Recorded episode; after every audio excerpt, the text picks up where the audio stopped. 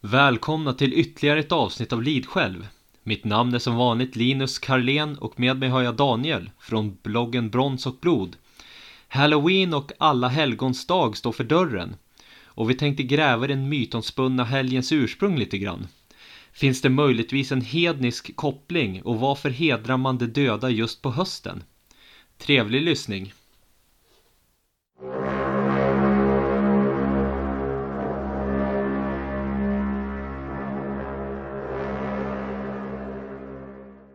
Välkommen Daniel till kvällens avsnitt. Åh, tack så mycket. Tack så mycket. Vi ska ju prata om Halloween framförallt, eh, även allhelgona och alvablot. Just det. Vad... Intressant ämne. Mm. Ja, det är faktiskt intressant om man börjar läsa om det så blir det väldigt intressant. Det är ju inte Ja. bara lika ytligt som man kanske först tror att Halloween är. Nej, precis. Hur ställer du dig till modern Halloween? Alltså, jag, jag måste säga, jag är ju så gammal så att eh, det här med Halloween har ju liksom kommit på senare tid för mig. Eh, alltså, jag är nog mer inne på eh, traditionell allhelgonafirande liksom och, och eh, tända ljus och tänka på släktingar och familjemedlemmar som har gått bort och så. så jag menar, när jag gick ut och, och tiggde, då, då var det på påsk man gjorde det. Så, Mm. Alltså jag, jag är lite på samma nivå. Jag är ju uppvuxen främst under 90-talet och kanske slutet på 80 lite grann. Och, men Halloween, det, det var ju bekant. Man visste ju vad det var allt det där, men det var ingen som firade Halloween. Nej, precis. Det var en skräckfilm kanske mer. Ja, precis. Men eh, så jag har faktiskt varit eh, ganska anti Halloween. Eh, bara för att det känns så här uh, fake och Hollywoodaktigt. Men eh, det där har ju faktiskt ändrats lite när, sen man har fått barn. Mm. Ja, precis. För att eh, de älskar ju Halloween. Det är typ det bästa som finns. Jaha, ja. Nej, men det är klart, det är väl så.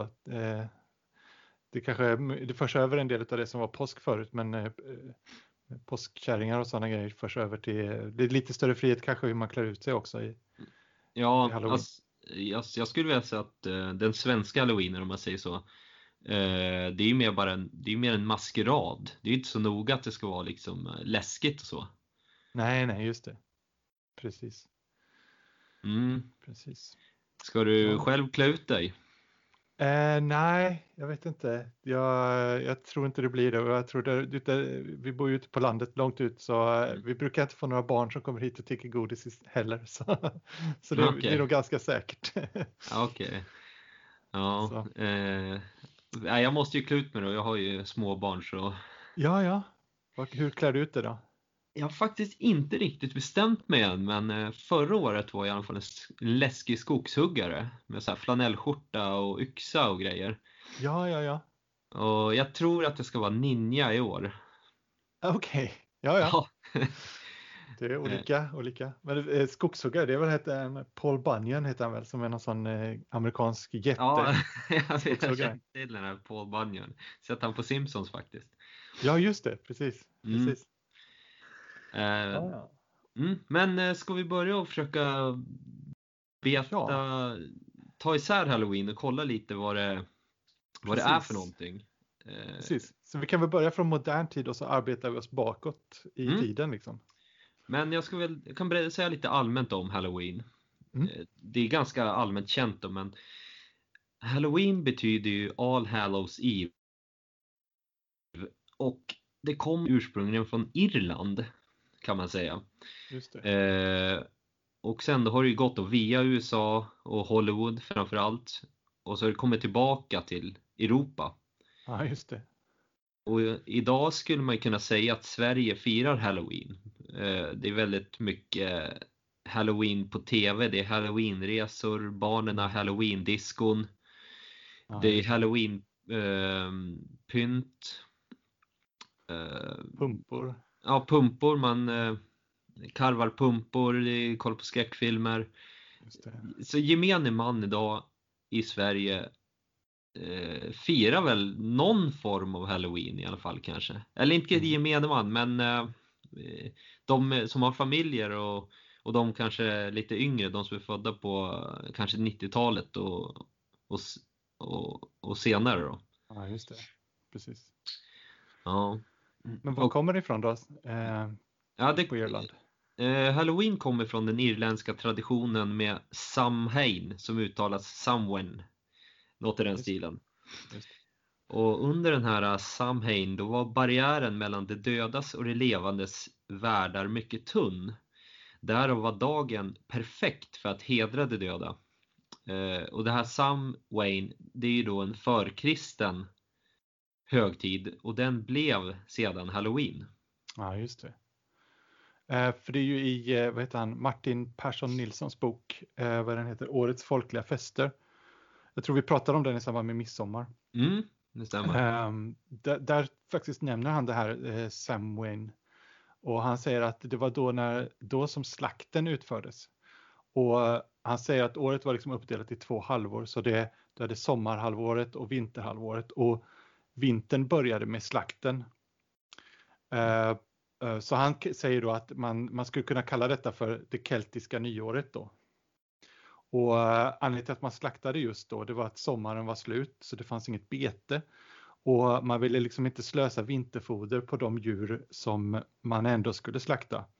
Så eh, då slaktade man dem och så saltade man in köttet och torkade det och så för att det skulle bevaras över vintern.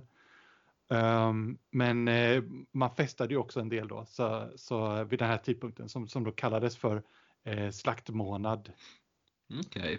Ja, i Norden finns ju också slaktmånad eh, i den gamla, de gamla månaderna. Eh, men det kallas även görmånad och gör ska då betyda blod eller slaktrester. Ja, just det. Ja, men eh, till att komma tillbaka till Samhain då, det var ju då att man, eh, man hedrade sina förfäder och de döda och så. Och det här är ju inte unikt för kelterna att ha en sån eh, högtid. Till exempel så hade slaverna en högtid som hedrade döda.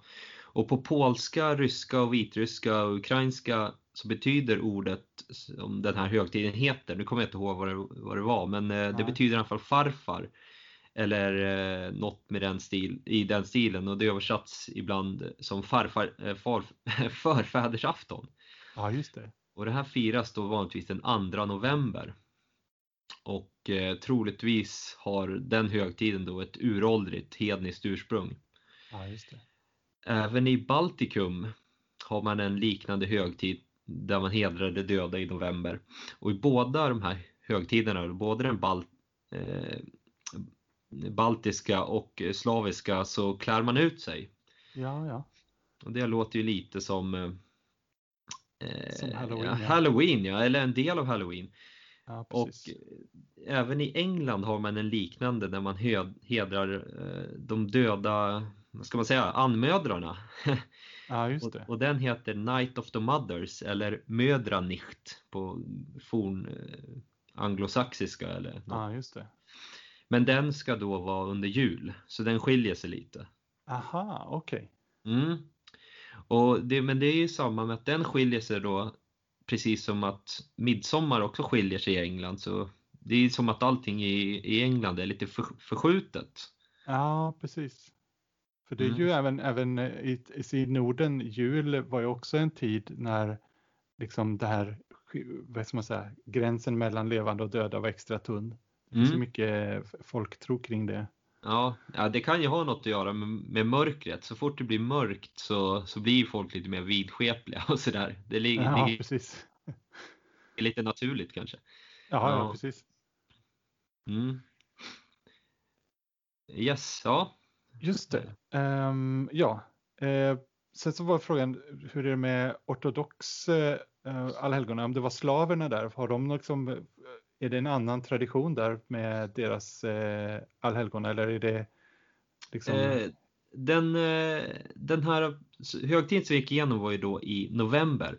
Men den kristna ortodoxa kyrkan den firar allhelgona på våren Ja, ja, och inte då på hösten. nej just det. Just Mm. det. Ja, vi kommer kanske fram till det för det finns väl en förklaring till, till Ja, det- det finns en teori som jag tycker är väldigt eh, sannolik. Varför? Eh, ortodoxa kyrkan är ju lite mer äkta än den katolska kyrkan i många anseenden. de firar ju till exempel jul på ett annat datum som de tycker stämmer bättre och sådär. Ja, just det. Eh, men vi återkommer till varför, Mm. varför den ortodoxa allhelgona är på våren men den eh, katolska då och även protestantiska är då på hösten. Just det, precis. Jag kan skjuta in här då, alltså i, på hösten här då så har vi ju eh, allhelgona som är den kristna eh, och så har vi halloween då som är någon slags keltisk. Men vi har även den här, eh, just i Skåne då, i och med att jag sitter här så har vi ju Mårtensafton Mm. som är också i månadsskiftet oktober-november. Um, och eh, då, då firar man ju den med gåsmiddag. Och eh, jag läste för något år sedan, jag tror förra året, att den här menyn då på gåsamiddagen, att man ska ha först gås och sen så ska man ha äppelpaj till efterrätt och så ska man ha svartsoppa till förrätt. Att den uppfanns i, på något hotell i Stockholm.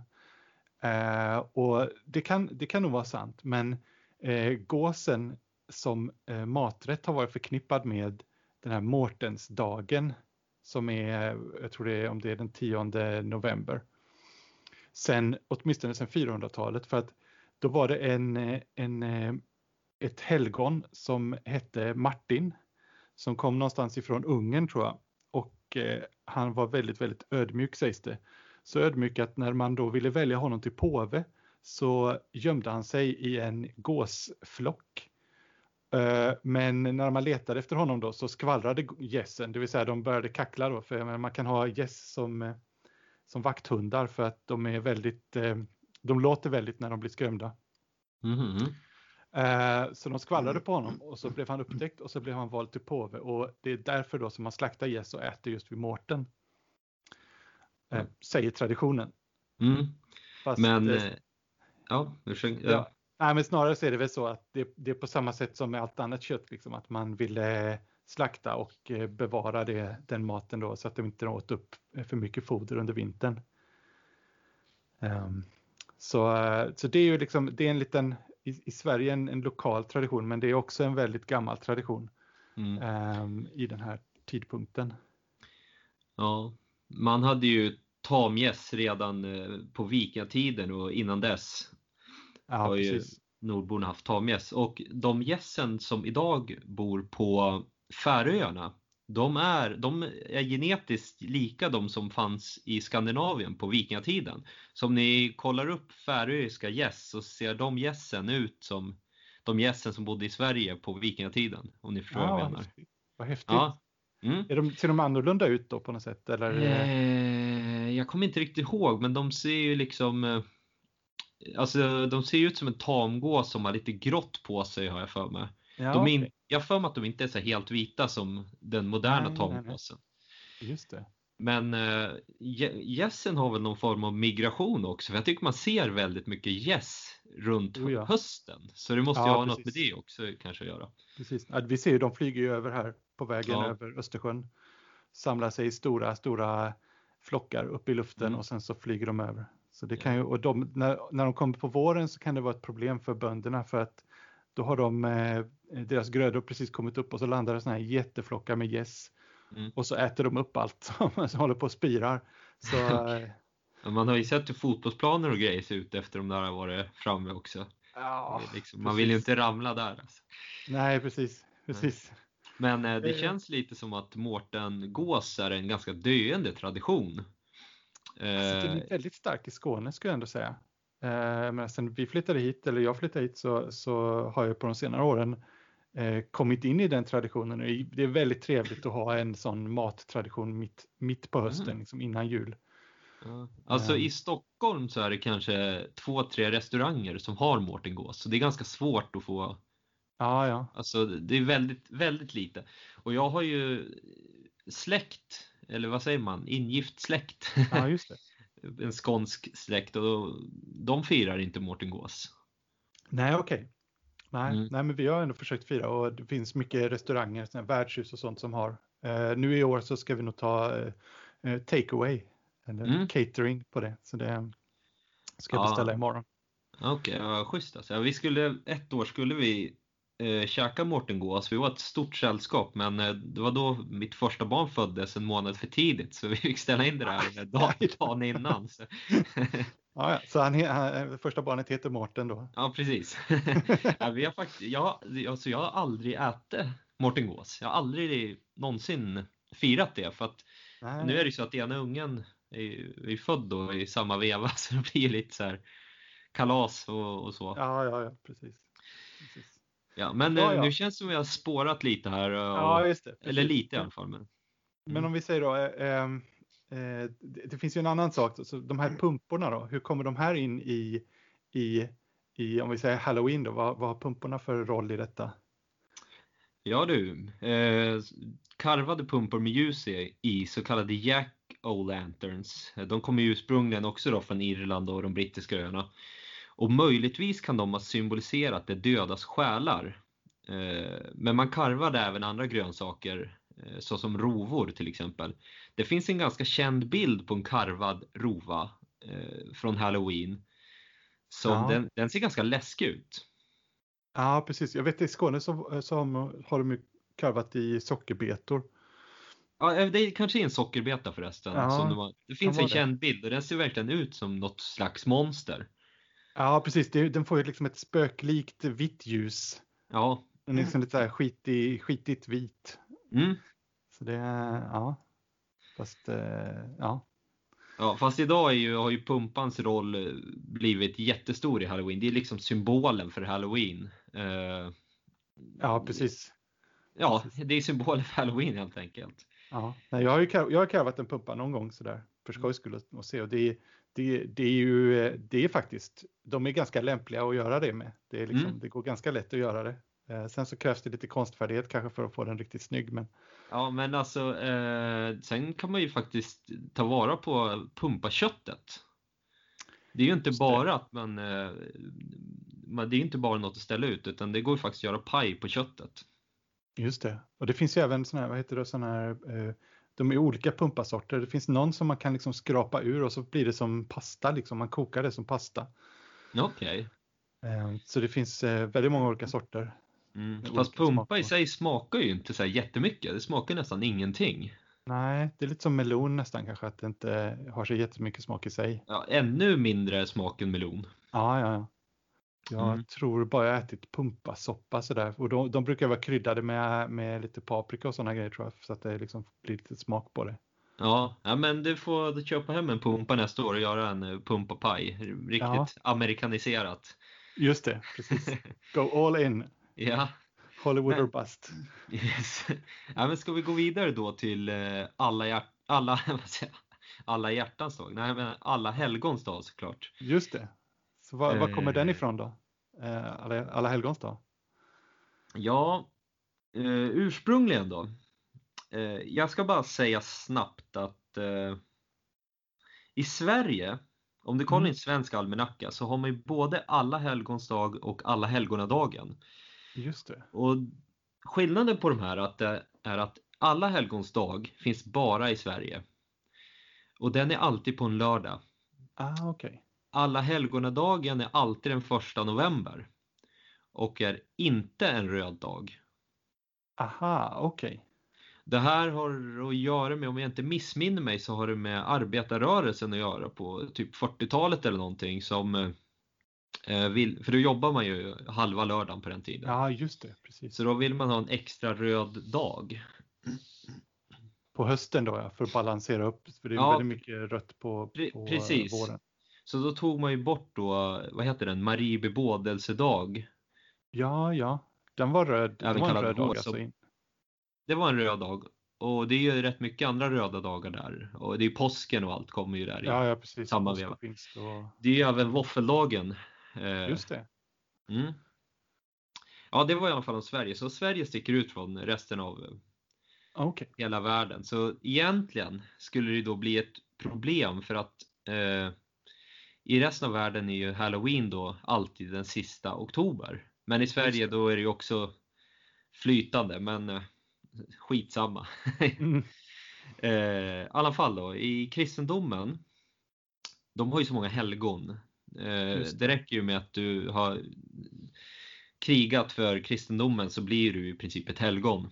Ja, precis. Det, det är, vad ska man säga, om man ska vara riktigt eh, lite tyken kan man säga att det är ju en politistisk religion på det sättet. Ja, ja, ja men så är det ju. Det är, de har ju bara bytt ut sina olika gudar mot olika helgon då. Ja, precis. Eh, men till slut hade de då så många helgon så att de var tvungna att hedra de här på, de bestämde sig att de ska hedra alla på en och samma dag. Och den här dagen då blev då till slut alla helgons dag, eller allhelgonadagen då. Just det. De rationaliserade lite där helt enkelt. Ja, och från början så inträffade den här dagen på våren. och det finns en del Eh, saker som styrker det. Till exempel att den ortodoxa kyrkan fortfarande har sin alla helgonadag på våren och att även den eh, romersk-katolska kyrkan tros ha haft den på våren. Ja, ja. Jag hittade inga riktiga säkra källor för det. Nej, okej. Okay. Men eh, om ni har lyssnat på andra avsnitt av den här podden så vet ni ju hur kristendomen fungerade när den kom. Att den tar ju gärna över en hednisk, eh, hednisk högtid och skapar sin egen högtid ovanpå den. För att på så Just sätt eh, liksom nästlas in och ta över Precis. den andra eh, religionen. Och det är, jul till exempel. Ja, jul, och midsommar. Ja, försöket till midsommar i alla fall. Ja, exakt, precis. och, och skördefesten och så. Eh, ja, just det. Är också egentligen, det är ju Mickelmäss då. Men eh, så under våren fanns det en romersk hednisk högtid som hette Lemuria. Och ja. Eh, då utförde man ritualer för att driva bort onda andar och spöken från sina hem. Så den är då kopplad till dö, det dödas värld och, och det döda ja, och sådär. Man offrade bönor och annat till andarna av de rastlösa döda. Man kunde även offra en helig mjölkaka från säsongens första vete. Eh, vilket man i Italien kunde skörda under det vi skulle kalla för försommaren. Så det här styrker då att den här högtiden, alla helgons dag, infördes på samma dag, eventuellt då, som den här Lemuria. Ja, ja. Vad jag vet så finns inga bevis för det här, men eh, det är en ganska sannolik teori. Ja, just det. Om man följer eh, utvecklingen av hjul till exempel. Ja, precis. precis.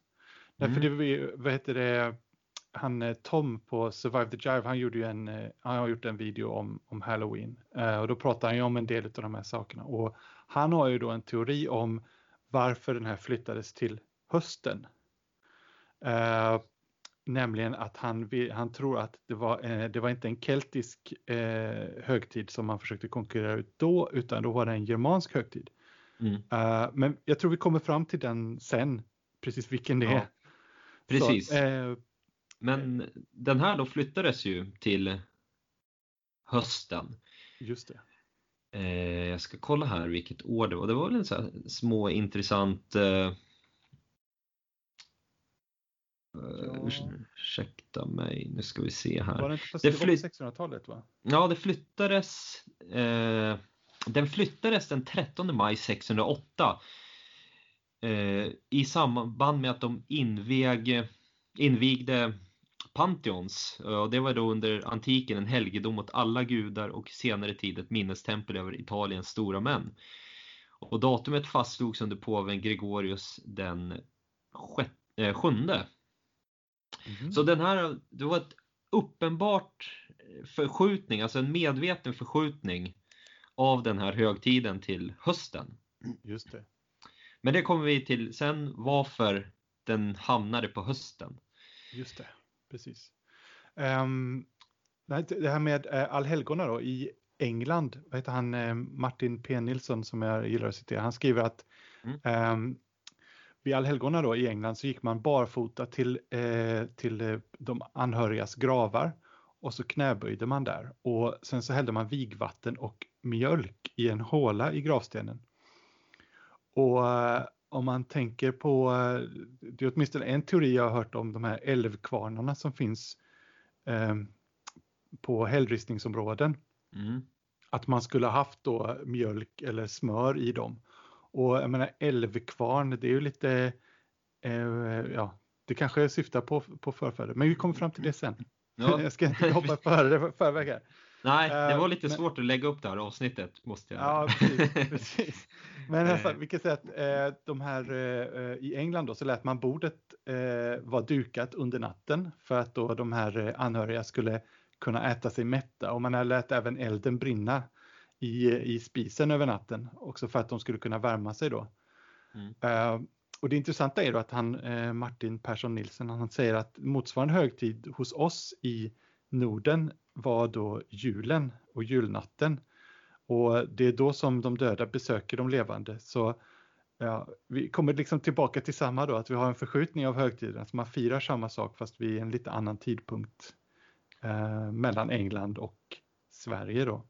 Mm. Men det känns också som att England sticker ut för Sverige är mer likt resten av Europa. Eller Skandinavien då är mer likt eh, resten av Europa. Så det är just England egentligen som sticker ut i den här förskjutningen.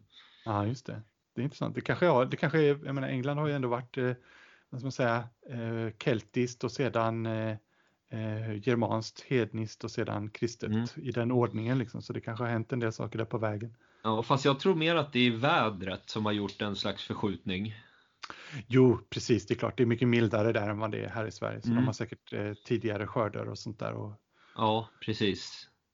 precis. Men Ja. eh, vad fanns det då för traditioner kring helgona i, i Sverige, förutom att kanske tända ljus då på anhörigas gravar? Den här eh, traditionen av att tända ljus, den är inte speciellt gammal. Den är väl Nähä. omkring hun- 100 år eh, gammal, som Ah, jag har förstått det.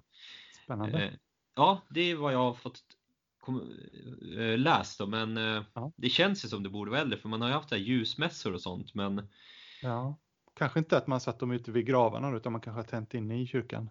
mm, eller att man hade Ja. nog eldar eller något. Men just, Ja, eh, just- ljuset är ju, det var ju ganska dyrt med ljus och stearinljuset är ju en hyfsat modern uppfinning. Ja, jo, precis. Jo, det är klart. Mm. Ja, men jag hittade några roliga traditioner här i boken Året i västsvensk, västsvensk folktro. Eh, bland annat att eh, eh, runt allhelgona då, då firade man korvkväll.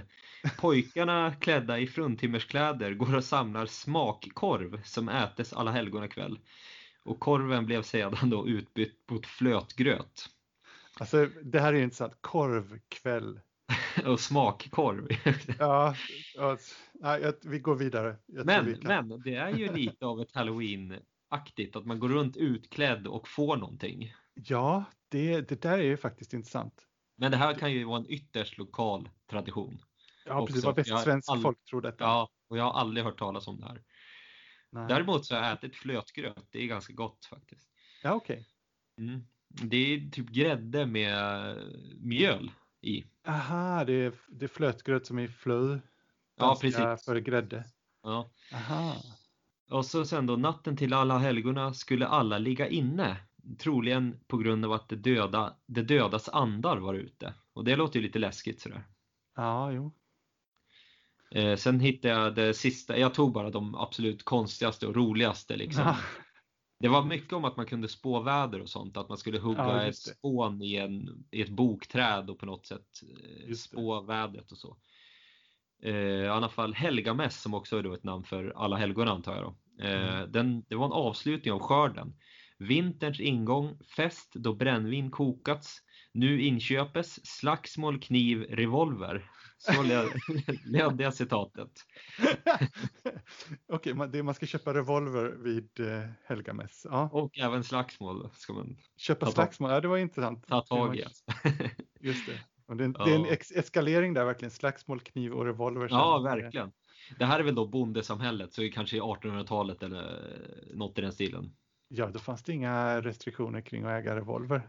Det var bara att köpa. Nej, det är ju bara modernt påfund. Ja, precis. Eh, Men det verkar som att det inte har funnits någon i alla fall eh, nationell eller stor tradition av att gå runt och tigga godis eller godsaker kanske är rätt ord vid Nej, allhelgona. precis. Eh, Däremot så det sägs att det finns en sån tradition i Norge vid jul. Och i Sverige som vi var inne på tidigare så är det ju vanligare, eller det var vanligare skulle jag vilja påstå, Ja, att man just det. tigger godis vid påsk. Just det. Precis. Utom korv då, som man tiggde i, Någonstans. i eh, Västsverige. Ja, men- det här med påsk, påskkärringar och sånt. Jag vet inte, är det på väg bort helt eller? Jag, jag vet faktiskt inte. Jag har ju inte jag har ju inga barn, men mina, min syster har två söner som är födda eh, typ vid sekelskiftet ungefär. Mm. Och jag, tror, jag undrar om de egentligen har gått påskgubb eller påskkärring. Jag tycker inte man ser någonting heller. Alltså. Eh, när jag gick i sko skolan i låg och mellanstadiet och sådär, då var det ju alla utklädda. Det var en, som en temadag på skolan och sådär. Precis, det var en del utav eh, ja, precis, påskfirandet helt enkelt på skolan. Mm. Men ja. alltså, det, för det, det, var ju det här med eh, att tigga saker vid jul. För det, det, kan ju vara så att vi har haft den traditionen vid jul även i Sverige. För att eh, vi har ju det här med eh, Lucia-firandet som har lite grann som sådana element. Mm. Av att man går runt och sjunger och kanske får sig en liten bit mat då för att man sjunger så fint. Och det hänger ju då ihop med eh, de här Staffansritterna som fanns. Som i sin tur då går att eh, härleda tillbaka till eh, såna initier initieringsriter för unga män där man skickade ut dem i, i eh, vildmarken för att klara sig själva. Och eh, det här som man i Sparta kallade för agoge. Mm. Vi var inne eh. på det här i avsnittet om nordiska hjältesagor. Just det, precis. Just den eh, riten då alltså. Exakt. Där finns det flera stycken exempel på sådana som är ute i skogen och, och får klara sig själva. Mm.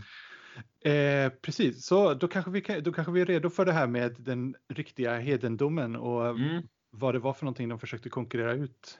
Ja, precis. Eh, som vi var inne på tidigare så flyttades ju det, det kristna allhelgona-firandet till hösten. Och teorin då, som vi båda tror, eh, är ju att de skulle konkurrera ut alvablotet som då pågick i Norden eller i hela germanska väldet.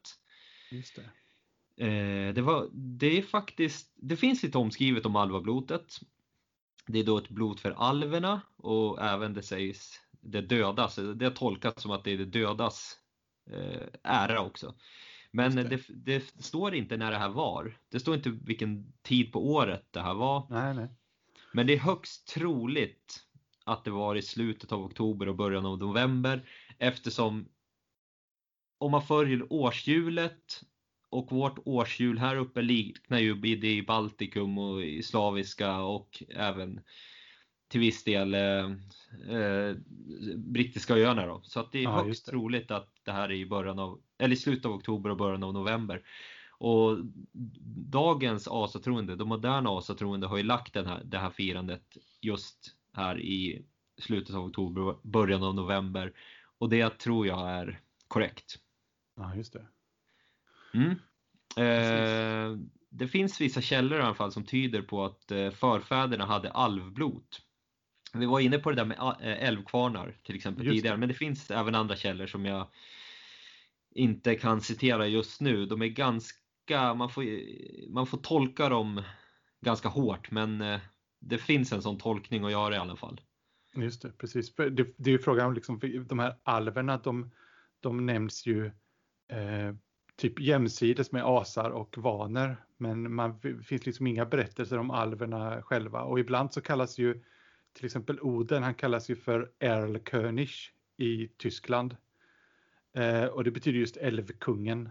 Mm. Eh, och det är då i rollen som ledare för den här eh, eh vilda jakten. Mm. Um, Nej men så. precis, det är som du säger, de, de nämns inte egentligen i sagorna speciellt. Och det är väl ganska troligt då att, nu spinner jag ganska friskt här, men att de, våra döda förfäder kanske blir älvor eller Ja, precis. Eh, så, det, det går ju att tolka det lite så. Exakt. Eh, jag har också hört att alvablotet är manliga släktingar som hedras, och, alltså döda släktingar. Och disablotet är då kvinnliga Aha. släktingar som hedras. Men det här kan jag inte ta gift på. Det är så här, ja. jag har hört det någon gång och jag kommer inte ihåg ja. Det är mycket sån kunskap man har som är på det viset just. Ja, man har hört precis. det men man vet inte vad och det var. Det här är ju så känsligt allting för har man hört något, man vill ju inte säga fel heller. När det, alltså det finns en liten, liten, litet korn och så tolkar man det kornet. Så det är ju ungefär ja, så det funkar. Men eh, Nordiska asasamfundet Eh, de har skrivit så här på sin hemsida då, om alvablotet. Denna dag, den 1 november, firar vi våra fallna förfäder, släktingar, familj och vänner. Dessa kallas för einherjar, vilket betyder fallna, fallen krigare, eller fallna krigare ska det väl vara kanske. Ja, ja. Mm. Just det, men vi, det finns ju en källa som helt säkert nämner alvablotet och det är ju i Olav den heliges saga. Så jag kanske ska läsa lite ur den. Mm. Um, och den är ju då skriven ur ett kristet perspektiv. Det är, det är en eh, kristen som ska resa till, om jag fattar det, han reser ifrån Norge till, eh, om det är Värmland någonstans. Jag tror det är Västergötland, men jag, det kan, kan vara Värmland också. Ja. Något sånt där. Mm. I alla fall så eh, den, den här strofen ur den här eh, Olof den helige saga, den går ungefär så här då att eh, Därefter foro de genom Götaland och kommo om kvällen till en gård som hette Hov. Där var dörren låst och de kommo icke in. Husfolket sade att det var heligt där. De gingo bort därifrån och Sigvat kvad. Till Hov jag kom om kvällen. Dörren var stängd, men jag sporde mig för därute. Djärv stack jag näsan i springan. Kort svar fick jag på min fråga. De hedniska männen sade att heligt det var och drevo mig bort. Jag bad trollen ta dem. Sedan kom han till en annan gård. Där stod husfrun i dörren och förbjöd honom att komma in. Hon sade att de hade alvablot. Sigvart kvad. Kom ej, ropade kvinnan. Eländige kar, här närmre. Jag fruktar Odens vrede. Vi dyrkar de gamla gudar. Den otäcka kvinnan som ville likt hatad ulv mig jaga från gården sade att inne till alvablot hon rädde. Mm. Så det är intressant. Eh... Ja, det är schysst. Eh, ja, det verkar ju då som i alla fall, den, den här personen fick ju inte komma in. Han var inte familj och han var till och med kristen. Just det. Så det verkar ju då som att det här firar man i hemmet med sin familj och ingen utomstående kommer in. Nej, precis. Det är ju inte direkt, ja. Nej, också att det är Oden som är uh, nämns. Det är den enda asaguden som nämns här. Jag fruktar Odens vrede säger hon ju. Vi mm. dyrkade gamla gudar. Ja. Precis, men det är ju inte så buller och bång. Det är ju inte Dia de la Muertes direkt. Nej, om. precis. precis. Nej. Uh. Och det känns ju också ganska nordiskt att man vill fira ibland Eh, lite eh, lugnt och stilla. Ja, värdigt. Ja, precis. Men jag vet inte om jag sa det nu så att jag var tydlig nog, men i alla fall de, de flyttade ju, år, på 1600-talet flyttades ju allhelgonahelgen till hösten. Och det är teorin då som vi följer är att det flyttades till hösten för att konkurrera ut just alvablotet. Just och det. det andra liknande germanska och allmänt europeiska traditioner. Precis, som den, också då har med de döda att göra. Precis, så att det var ju, vad ska man säga, vad man, säga man försökte skugga, skugga den hedniska högtiden genom att ta motsvarande kristen högtid och lägga vid samma tidpunkt. Mm. Eh, också kanske för att göra det lättare för, för eh, folk att konvertera för att de kunde fortfarande, de behövde inte känna sig illojala mot sina förfäder genom att på något vis hedra dem vid en annan dag och så, utan det kunde, man kunde liksom bara lätt glida in i den här traditionen. Mm. Men jag måste ju säga, om du kommer till en kyrkogård som är full av tända ljus så känns ju det hedniskt. ja, ja, precis. Det känns ju som en uråldrig eh, grej man, eh, man är med om. Som du säger, det är det här med offer. Att ja. det är ju ett, ett, eh, ett offer av ett ljus eller offer av eld som man gör här. Mm. Det är som en liten, liten brasa. Mm, mm. Men ja, så, så att säga Halloween då. Eh, det är ju ganska likt, eller vad säger jag, alvablotet eftersom det är så lugnt och, och så. Det, det, liknar ju då allhelgona och inte speciellt mycket halloween då egentligen. Nej, precis. Eh, Så det verkar ju ligga något i Tom Roswells teori då på Survived och Jive. Just det, precis. Mm. Och även jag har varit inne många gånger på det här att asatron och nordisk eller europeisk kännedom är alltid så logisk. Det är ganska logiskt att det finns ett blot för att hedra förfäder. Det finns Ja. liksom ett för att hedra havande kvinnor och kvinnor i allmänhet. Det finns ett för skörden, det finns ett för liksom att året börjar, det finns ett för de döda. Alltså det är väldigt, väldigt logiskt. Det är inte så eh, abstrakt. Nej, precis. Det är konkret och det är anpassat efter de levnadsförhållanden som råder här. Mm. Mm. Det, man märker att den är uppfunnen här, liksom, eller uppfunnen, eller att det är en tradition som, som, är, som har växt fram här. I, Ja, den är liksom- rotad. ja, precis. Rotad i, i, i, Ja. i jorden här.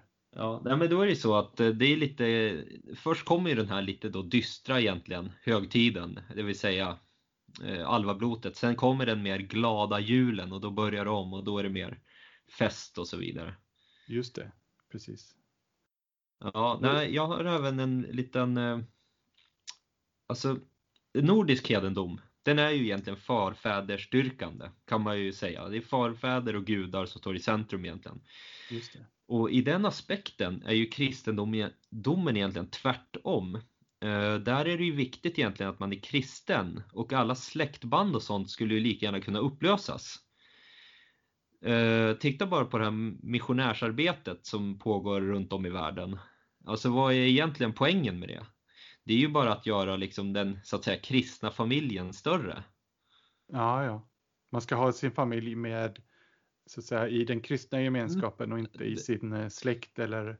Nej precis, det är ju, i, den är väldigt så här, alla är en under Gud och det spelar inte så stor roll vilken, liksom vem du är och sådär. Eh, Asatron är ju Nej, lite mer precis. att man kanske håller sig till sina egna och man, man eh, hyllar de som hyllas bör. Ja, precis. Jag tror inte direkt man eh, hyllade så förrädare och sånt på alvablotet. Det var ju typ de, de viktiga i familjen och de älskvärda och sådär som har Precis. Det är ju det är faktiskt det här, med- det här be, jag menar, det, begreppet med ära.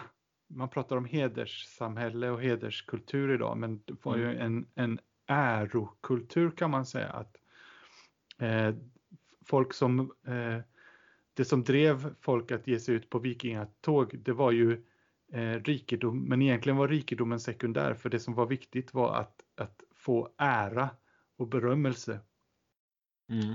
och eh, det är intressant när man läser eh, eh, Saxo Grammaticus att allt handlar egentligen om ära och berömmelse där.